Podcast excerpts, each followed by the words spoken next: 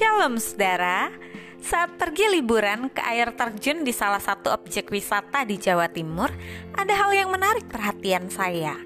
Sebuah pagar membatasi sekeliling air Disertai dengan tulisan dilarang melewati batas Pagar dan tulisan yang tampak baru itu menunjukkan bahwa ada banyak orang yang jatuh karena tidak memperhatikan langkahnya sebuah pembatas dibuat bukan untuk menghalangi jalan kita, tetapi untuk melindungi kita supaya tidak jatuh ke tempat yang berbahaya.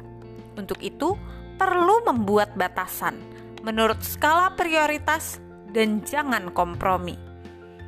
Kebanyakan orang saat ini berpikir membuat batasan tidak terlalu perlu tetapi jika kita ingin menjaga hati dan pikiran kita dari keinginan dosa dan tidak terpengaruh pada perilaku hidup yang salah, kita harus membuat batasan.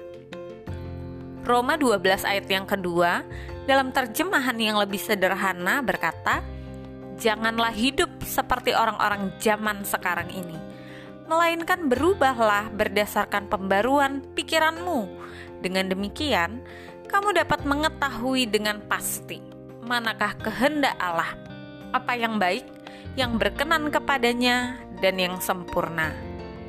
Kita hidup di dalam dunia, diutus ke tengah dunia, tetapi bukan untuk menjadi duniawi, melainkan untuk menjadi terang yang menghadirkan damai di tengah dunia. Singkirkan hal-hal yang menyebabkan kita jatuh, dan jangan kompromi Tuliskan standar jika perlu.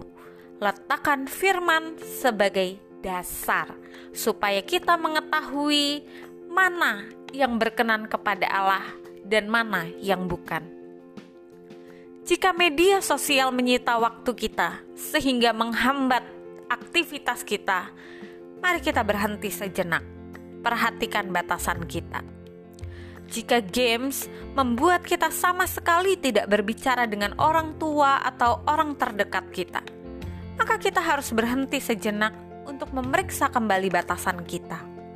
Jika televisi, film membuat waktu istirahat kita terganggu dan mengacaukan seluruh agenda kita, maka kita harus berhenti sejenak dan memeriksa batasan kita dalam masyarakat sekarang ini, ke mana pun kita pergi, kita akan melihat bahwa iblis berusaha membuat kita berkompromi dengan banyak sekali dosa.